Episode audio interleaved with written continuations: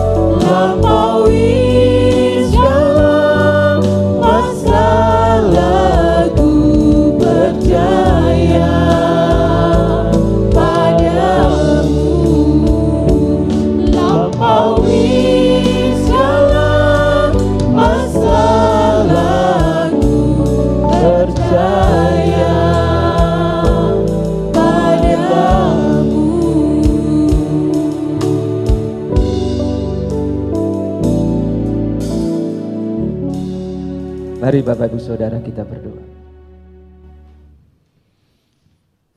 Kami percaya ya Allah. Dalam banyak hal yang kami tidak sanggup untuk memikul beban hidup kami. Engkau beserta dengan kami. Engkau turut di dalam setiap hal untuk kebaikan kami.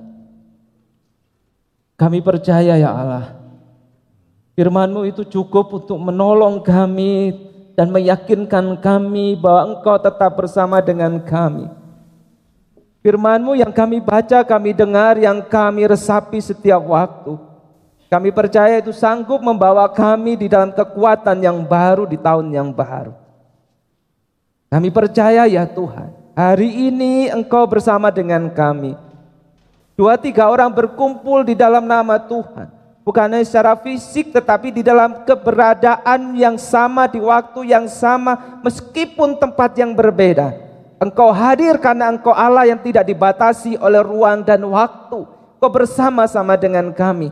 Dan kami percaya ya Tuhan, hari ini kekuatan yang baru dari firman Tuhan akan kau berikan kepada kami ketidakmampuan kami untuk menyampaikan ataupun menangkap firman Tuhan. Kami serahkan di dalam pimpinan dan terang Allah Roh Kudus saja. Tuhan tolonglah kami. Demi Kristus kami berdoa. Amin.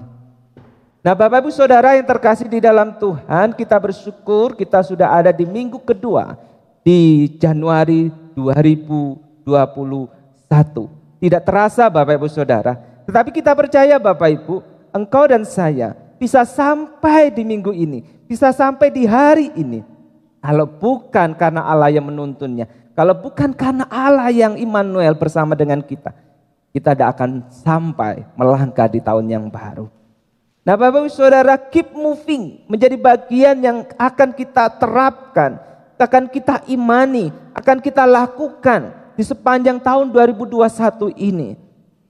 Nah Bapak Ibu Saudara yang terkasih di dalam Tuhan, 2020 itu menjadi tahun yang berat buat engkau dan saya. 2020 itu menjadi tahun yang berat buat engkau dan saya. Oleh karena itu Bapak Ibu yang terkasih di dalam Tuhan. Kita sungguh-sungguh harus bersandar penuh kepada Tuhan. 2020 Bapak Ibu Saudara itu menjadi kelesuhan tersendiri buat kita. Bukan hanya orang-orang tertentu, semua orang. Oleh karena itu Bapak Ibu yang terkasih di dalam Tuhan. Semua sendi-sendi kehidupan itu mulai lumpuh di pertengahan tahun 2020. Sendi kehidupan di pemerintahan, sendi kehidupan di perusahaan, sendi kehidupan termasuk di rumah Tuhan. Tidak banyak orang bisa berkarya seperti biasanya. Tidak banyak kita bisa berjualan dengan omset seperti semula. Tidak bisa lagi kita mengharapkan pertolongan dari orang-orang seperti waktu normal adanya. Nah saudara yang terkasih di dalam Tuhan, kita sering kali tertunduk lesu di tahun 2020. Mau ke depan sulit, ke kiri dan ke kanan, apalagi ke belakang tidak mungkin lagi. Oleh karena itu Bapak Ibu Saudara yang terkasih di dalam Tuhan, dalam kepedihan seperti ini, apa yang harus kita lakukan di tahun 2021? Karena engkau dan saya juga mengalami hal-hal yang tidak nyaman. Karena engkau dan saya bingung sekali harus berbuat apa. Tidak tahu harus ke mana. Semua terasa lumpuh. Seperti stroke mati separuh hidup kita. Hidup pekerjaan kita, hidup keluarga kita, hidup daripada gereja. Pengembalaan tidak lagi sama, lumpuh separuh. Tugas-tugas majelis juga tidak bisa lagi sama, lumpuh adanya. Pekerjaan-pekerjaan gereja tidak lagi bisa menyentuh engkau dan saya secara leluasa. Dan itu terjadi Bapak Ibu yang terkasih. Apa yang harus kita lakukan di tengah situasi seperti ini? Karena menghantui kita. Bahkan kita mendengar Januari ini corona naik begitu pesatnya. Kota Malang Bapak Ibu Saudara. di dalam awal-awal tanggal tahun baru itu. Tiga hari berturut-turut rekor terus untuk orang meninggal karena COVID. 14, 16, 17. Sampai tadi malam Bapak Ibu Saudara, kami terus melihat info-info update di kota Malang. Sudah tidak ada tempat lagi untuk penderita COVID di kota Malang, di rumah sakit. Ini penderitaan luar biasa. Mau sakit pun sulit, apalagi mau sehat. Di lingkungan gereja Antioquia sendiri Bapak Ibu Saudara, yang semula itu hijau, orange, kabar terbaru juga kami mendapatkan merah Bapak Ibu. Kasus demi kasus. Lalu apa yang harus kita lakukan? Kita harus diam di rumah, sulit mengerjakan segala sesuatunya karena COVID-19 ini. Virus ini mungkin kita harapkan selesai dengan adanya vaksinasi. Tanggal 13 akan dimulai, tapi apakah itu sebuah solusi? Kita tidak tahu pasti. Nah saudaraku yang terkasih di dalam Tuhan, kita mau seperti apa? Kita mau give up? Atau kita di tahun 2021, kita bergerak. Kita get moving Bapak Ibu Saudara. Kita bergerak. Kita melakukan segala sesuatunya. Kita tidak hanya mengurung diri dan tidak berbuat sesuatu, tentu dengan hikmat bijaksana. Tidak mudah memang. Tetapi apa yang harus kita lakukan?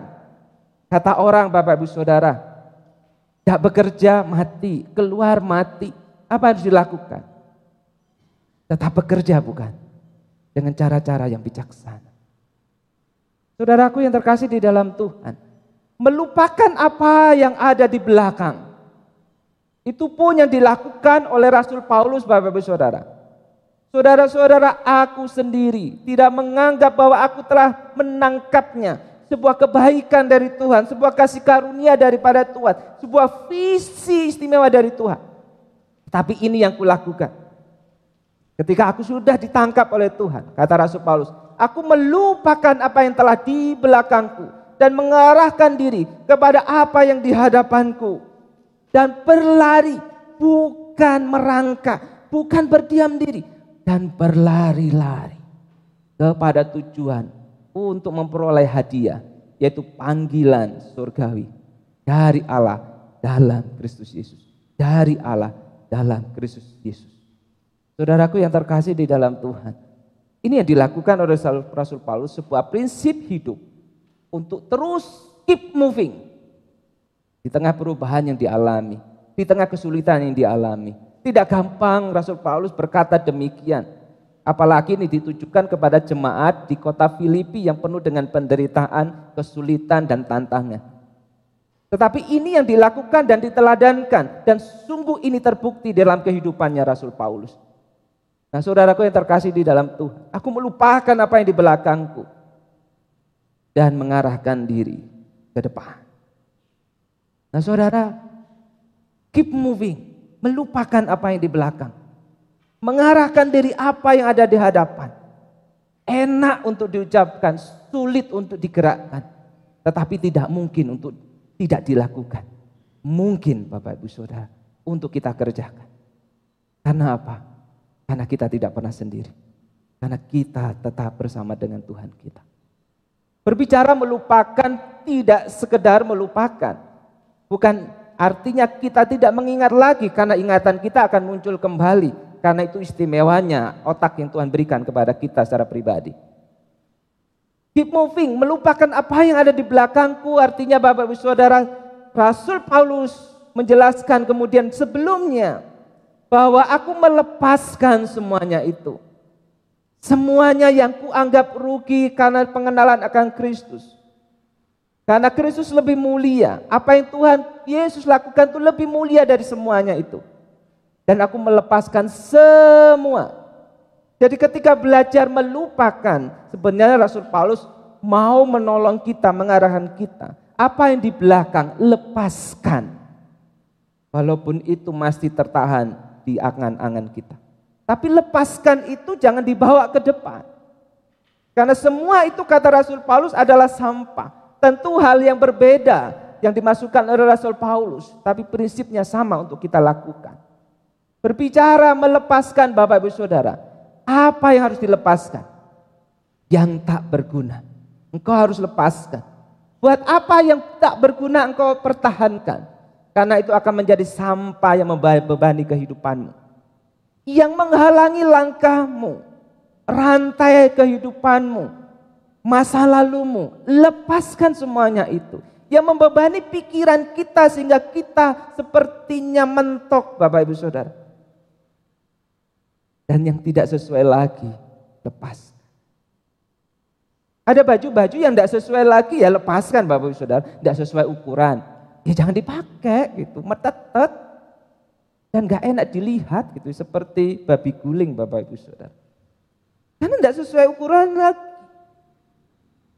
Celana-celana yang tidak sesuai modenya lagi ya tidak perlu dipakai kembali.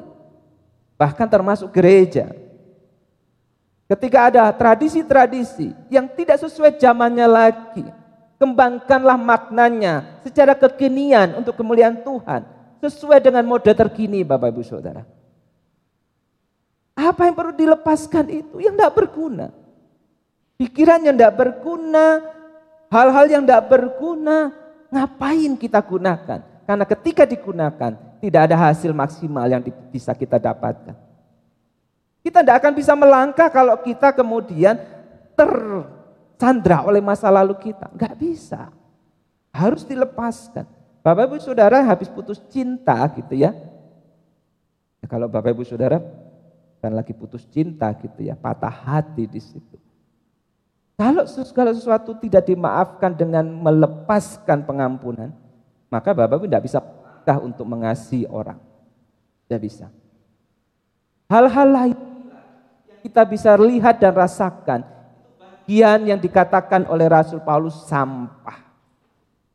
Sangat amat keras.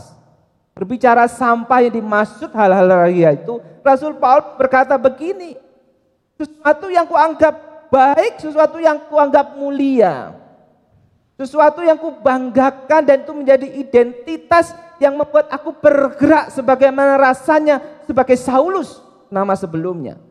Karena aku disunat pada hari ke-8. Itu adalah tanda bahwa aku keturunan Abraham sejati bangsa yang terpilih, umat yang istimewa di hadapan Tuhan. Karena hal ini aku berani sebagai Saulus menentang bangsa-bangsa yang lain. Karena aku bangsa Israel. Aku dari suku Benyamin.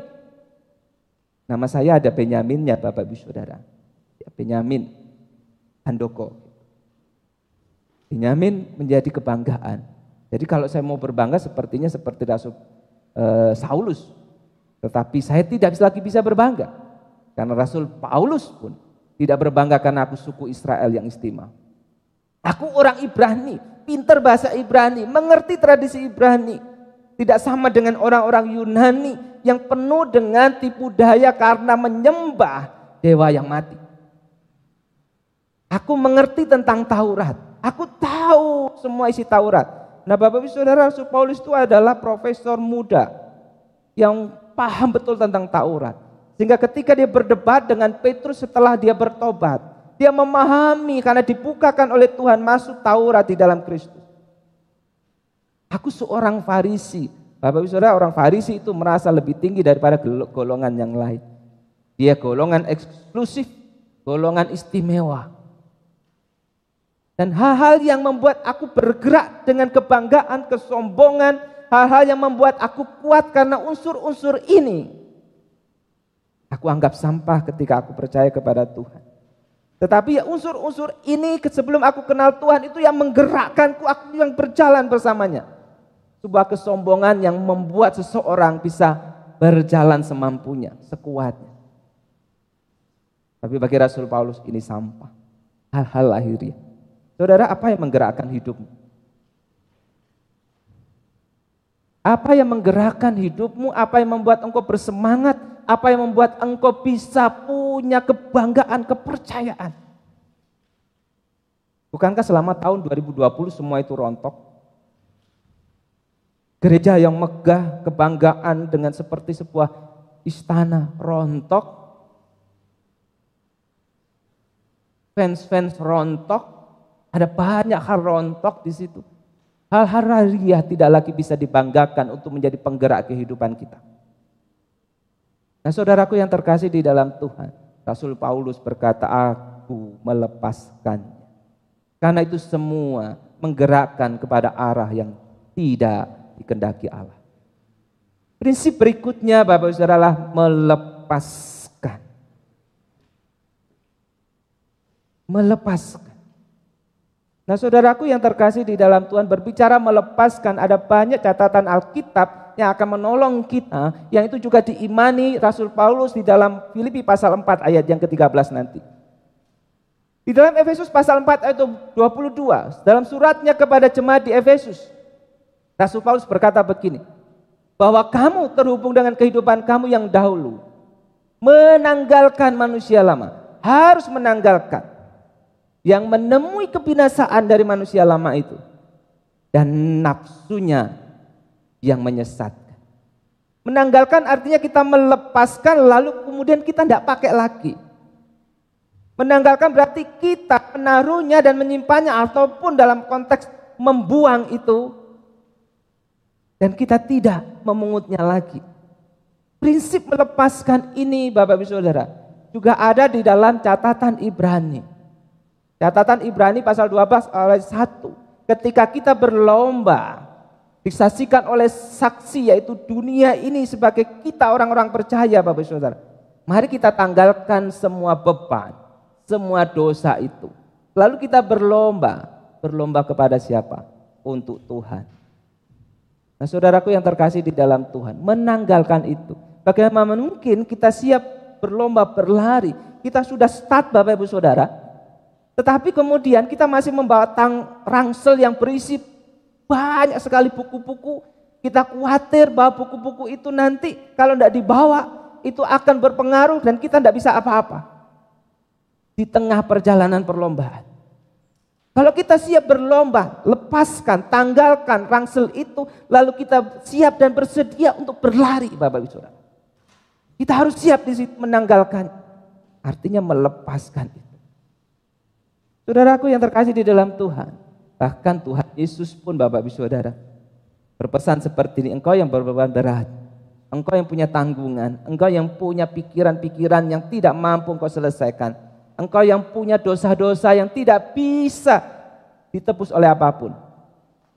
Datang kepada aku akan memberikan kelegaan kepada Pikulah Berbicara pikulah kuk artinya kita harus menanggalkan beban kita dulu, Lalu kemudian kita berserah kepada Allah dan memikul apa yang Allah inginkan untuk kita pikul. Yaitu iman kepada dia. Tanpa kita melepaskan itu, tanpa kita menanggalkan itu, kita tidak akan mampu mengikuti Tuhan dengan leluasa. Kita akan tersandera oleh dosa-dosa kita yang masih kita bawa. Saudaraku yang terkasih di dalam Tuhan. Prinsip berikutnya Bapak Ibu Saudara. Menserahkannya. Bukan menyerah. Tapi memberikan, menserahkannya. Kita serahkan apa yang kita tidak mampu. Segala sesuatu yang di luar pikiran kita, di luar tenaga kita, di luar apa yang kita miliki. Kita harus serahkan itu kepada siapa? Kepada dia yang mampu. Karena Allah menghendakinya untuk kita. Serahkanlah segala kekhawatiran kepadanya. Tapi sering kali kekhawatiran kita kita serahkan kepada siapa? Yang takut. Pertama kali kita serahkan bukan kepada Tuhan. Mama, gimana ya nasib anak-anak kita? Belum menyebut Tuhan. Pak Pendeta, Pak Pendeta, gimana nanti? Persoalanku seperti ini. Belum menyebut Tuhan itu pertama. Nah saudaraku yang terkasih di dalam Tuhan, mari kita menserahkan semuanya itu kepada Tuhan sebagai yang pertama dan terutama. Sambil kita mencari petunjuk dari sesama kita, yaitu para hamba Tuhan, tetangga kita, orang tua kita, teman kita. Menyerahkan semuanya itu. Nah saudaraku yang terkasih di dalam Tuhan. Yang perlu kita pahami Bapak Saudara, Rasul Paulus menerapkan ini dalam kehidupannya. I can do everything through him who give me strength. Segala perkara dapat kulakukan, kutanggung di dalam dia yang memberi kekuatan kepadaku. Karena Rasul Paulus sudah menanggalkan segala persoalan hidupnya dan menyerahkan ketidakmampuan dirinya kepada dia sehingga dia bisa berkata segala perkara dapat kutanggung di dalam dia. Karena perkara yang tidak mampu kutanggung itu, kuserahkan kepadanya. Maka dia bersamaku akan memberikan kekuatan yang baru. Saudaraku yang terkasih di dalam Tuhan, apa yang harus kita lakukan di tahun 2021? Tidak ada resep istimewa hari ini, tetapi yang ada adalah perkataan yang hidup untuk engkau dari firman Tuhan. Mari kita melupakan apa yang di belakang itu dengan cara menyerahkannya, membiarkannya dan tidak membawanya kembali. Biarkan itu di belakang. Lalu kita, Bapak Ibu Saudara, yang tidak kita mampu, kita berikan kepada Tuhan. Segala yang buruk kita tanggalkan. Karakter-karakter buruk kita tanggalkan. Etos kerja yang buruk kita tanggalkan. Karena yang baik ada di depan bersama Tuhan. Nah saudara, kata Salomo Bapak Ibu Saudara, percayalah kepada Tuhan dengan segenap hatimu dan jangan bersandar kepada pengertianmu sendiri. Salomo sedang membandingkan antara hikmat kita dengan hikmat dia. Sehingga ketika kita memakai hikmat Allah, mengakuinya dalam hidup ini, maka dia akan meluruskan jalan kita. Artinya dengan hikmat kita kita bisa salah jalan betul sekali. Artinya dengan hikmat kita kita bisa salah pilih exactly ya. Artinya dengan hikmat kita kita bisa melakukan hal yang tidak benar ya. Mungkin sekali. Tetapi kalau kita berkata ya Tuhan apa yang kulakukan tahun 2021 ini gimana caranya? Beri petunjuk Tuhan. Dan ketika kita mengakui ya Tuhan, maka hikmatnya datang. Ketika kita mau salah jalan, dia akan luruskan kita. Ketika kita akan membelok kepada jalan yang tidak benar, dia akan menarik kita kembali kepada jalan kebenaran. Saudara, dan itu bisa kita lakukan, engkau dan saya lakukan ketika engkau tetap bergerak. Petunjuk Tuhan tidak hanya datang di dalam kesendirian, berlutut, berdoa di dalam kegelapan, di kamar, yang sepi. Dan sekedar itu. Itu adalah bagian kita menyiapkan hati. Karena setelah itu engkau harus membuka kamar dan engkau harus melangkah. Dan langkahmu itulah yang dituntun Allah kepada jalan. Kalau engkau tidak pernah membuka kamar walaupun engkau berdoa sepanjang waktu. Berkat yang ada di luar sana tidak akan engkau temui.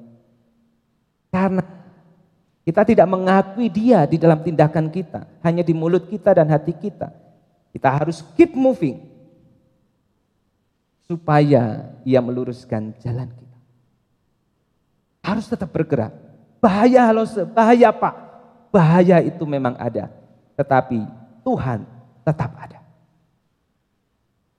Saudara bisa lihat foto ini? Bapak Ibu Saudara ini bukan kesalahan kameranya, ini bukan kesalahan mata saudara, bukan kesalahan mata saya. Yang terjadi adalah saya mengambil foto ini karena foto ini hasil daripada jepretan yang tidak fokus. Harusnya cantik Bapak Ibu Saudara kayak istri saya harusnya. Tapi gara-gara ngeblur, ngeblur bro, tidak bisa dilihat dengan baik. Terus saudara sering kali kita gagal fokus. Memfokuskan hati mata pikiran kita bahkan kalau hati tidak fokus, pikiran tidak fokus, bisa tidak kita keep moving dengan baik? Tidak bisa. Kita akan nabrak-nabrak. Fokus Bapak Ibu Saudara. Rasul Paulus fokus mengarahkan diriku kepada janji-janji Tuhan. Kepada hadiah yang disediakan Tuhan. Ketika aku mengerjakan visi Tuhan. Saudara, ketika kita gagal fokus sering kali Bapak Ibu Saudara, kita hanya fokus di masa lalu. Dan tidak ke masa depan. Kalau Bapak Ibu Saudara mengendarai mobil Bapak Ibu Saudara, kalau Bapak Ibu Saudara hanya melihat ke belakang melalui kaca spion, gitu ya. Jadi Bapak Ibu hanya lihat, ya apa ya di belakang sana, yang sini. Gitu. Ya. Apa yang terjadi? Oh ya nobro toh Pak. Ya saya jamin. Nobro ada jaminannya loh Bapak Ibu Saudara. Bukan hanya asuransi. Kenapa? Karena kita hanya fokus kepada masa lalu. Kita hanya fokus kepada yang di belakang. Takut, takut, takut. Tetapi yang di depan kita tidak fokus. Ada truk gandeng di depan, itu menjadi persoalan yang lebih besar daripada truk gandeng yang mogok di belakang. Betul ya? Truk gandeng yang di depan itu lebih berbahaya daripada truk gandeng yang lagi mogok di belakang kita yang kita lihatin terus. Kok gerak-gerak ya? Yang di depan sudah bergerak. Seringkali kita gagal fokus karena kita fokusnya di masa lalu, masa lalu. Gak iso pak, angel pak. Sudah dilakukan cara gak bisa pak. Tapi kita tidak punya iman untuk masa depan. Karena untuk melangkah kepada masa depan, keep moving to forward Bapak Ibu Saudara, kita membutuhkan iman. Membutuhkan iman. Kita sering kali gagal fokus Bapak Ibu Saudara, karena kalau tadi tentang masa lalu menjadi fokus kita, hanya fokus kepada masa lalu. Artinya begini, kita selalu menyalahkan orang lain. Kita selalu berpikir masalahnya bukan di saya, di lu, di, di dirimu gitu. Masa lalu.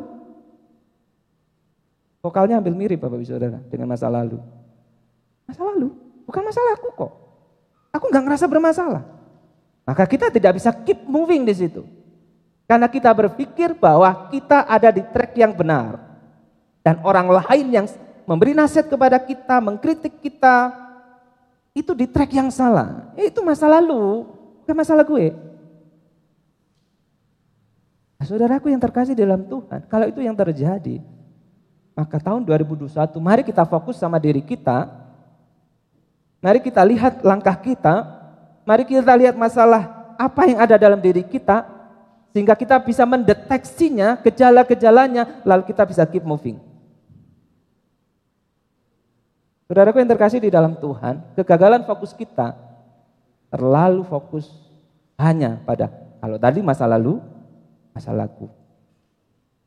Tidak kepada Tuhanku. Nah saudara, ada lubang di dalam diri kita ini persoalan. Ada lubang di karakter kita, persoalan. Ada lubang di usaha kita, persoalan. Ada lubang dalam pekerjaan gereja, persoalan. Ada lubang Bapak Ibu Saudara di dalam kebiasaan-kebiasaan buruk kita, persoalan. Lalu kemudian kita hanya melihat persoalan, persoalan, persoalan, persoalan itu, kita lupa untuk melihat Tuhan. Sehingga persoalan itu terlihat teramat besar, dan Tuhan tertutupi dan menjadi kecil. Kita gagal fokus. Rasul Paulus kalau melihat persoalan, maka dia akan berkata persoalanku teramat berat.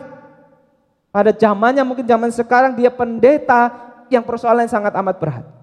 Ke mana-mana diintimidasi, ke mana-mana diamati, ke mana-mana mau ditangkap, ke mana-mana mau dibunuh. Tetapi dia, aku mengarahkan ke depan di hadapanku. Pada pekerjaan Tuhan karena dia memberikan dan menganugerahkan kepada saudara. Allah itu cukup besar untuk menjaga kita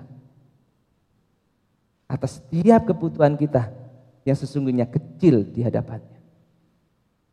Karena kita gagal fokus ke setiap persoalan kita teramat besar dan Allah terlihat kecil. Saudaraku yang terkasih, segala perkara dapat kutanggung di dalam dia, kata Rasul Paulus. Karena dia terlebih besar dari perkaraku. Meskipun orang melihatnya besar. Gagal fokus ketika kita gagal memahami tujuan hidup orang Kristen.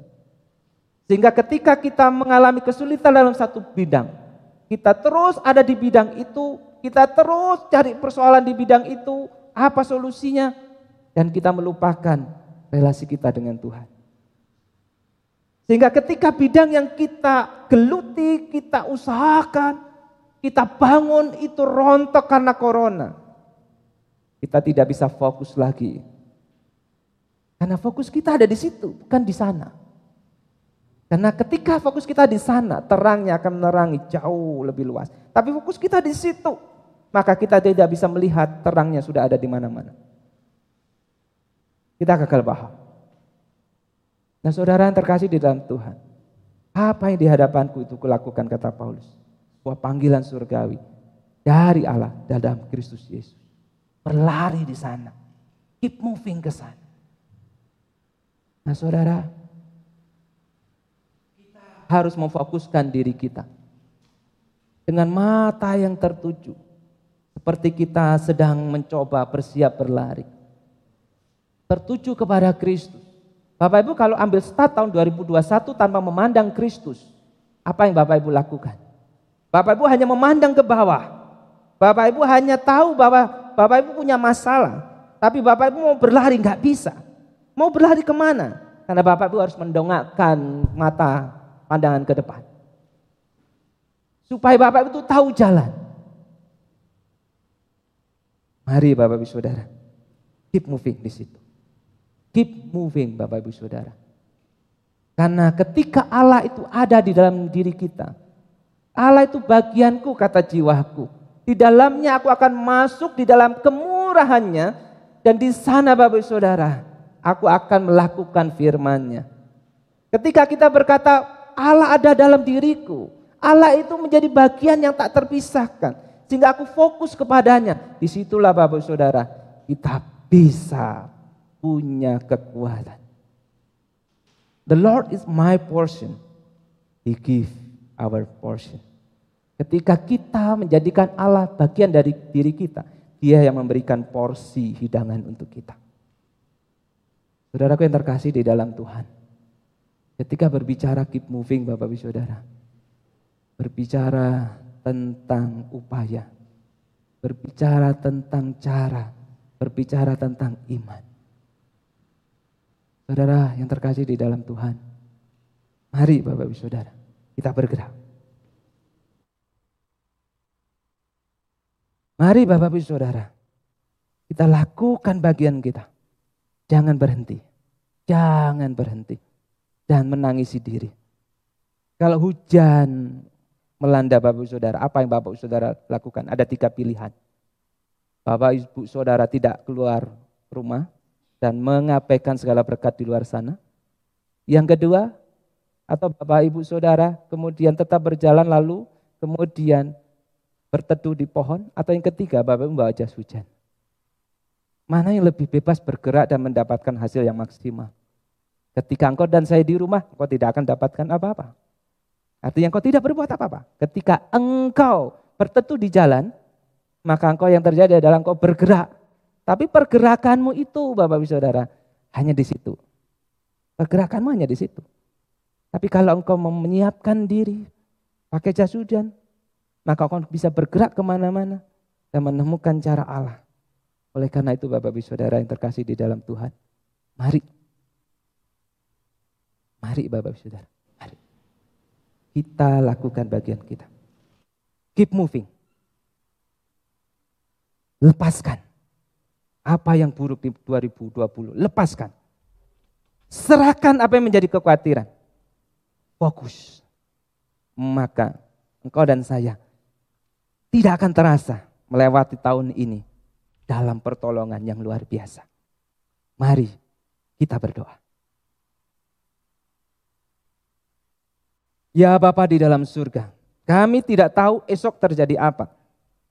Yang kami tahu ya Allah, Engkau ada. Yang kami percaya, Engkau bagian kami. Dan Engkau yang menyediakan setiap orang yang mencari Tuhan dan kerajaannya. Oleh karena itu ya Allah, tolonglah kami. Tolonglah kami. Kami mengawali tahun ini dengan iman. Melepaskan segala yang tidak tepat di tahun 2020 menanggalkan itu dan tidak membawanya melangkah di tahun 2021.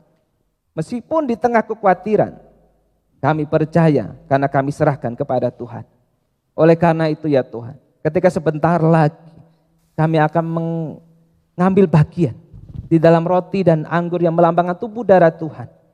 Kiranya berkat perjamuan menjadi kekuatan iman di dalam batin jiwa kami. Dan itu akan menolong kami. Terus keep moving bersama Tuhan, bersama umat Tuhan. Demi Kristus kami berdoa. Amin.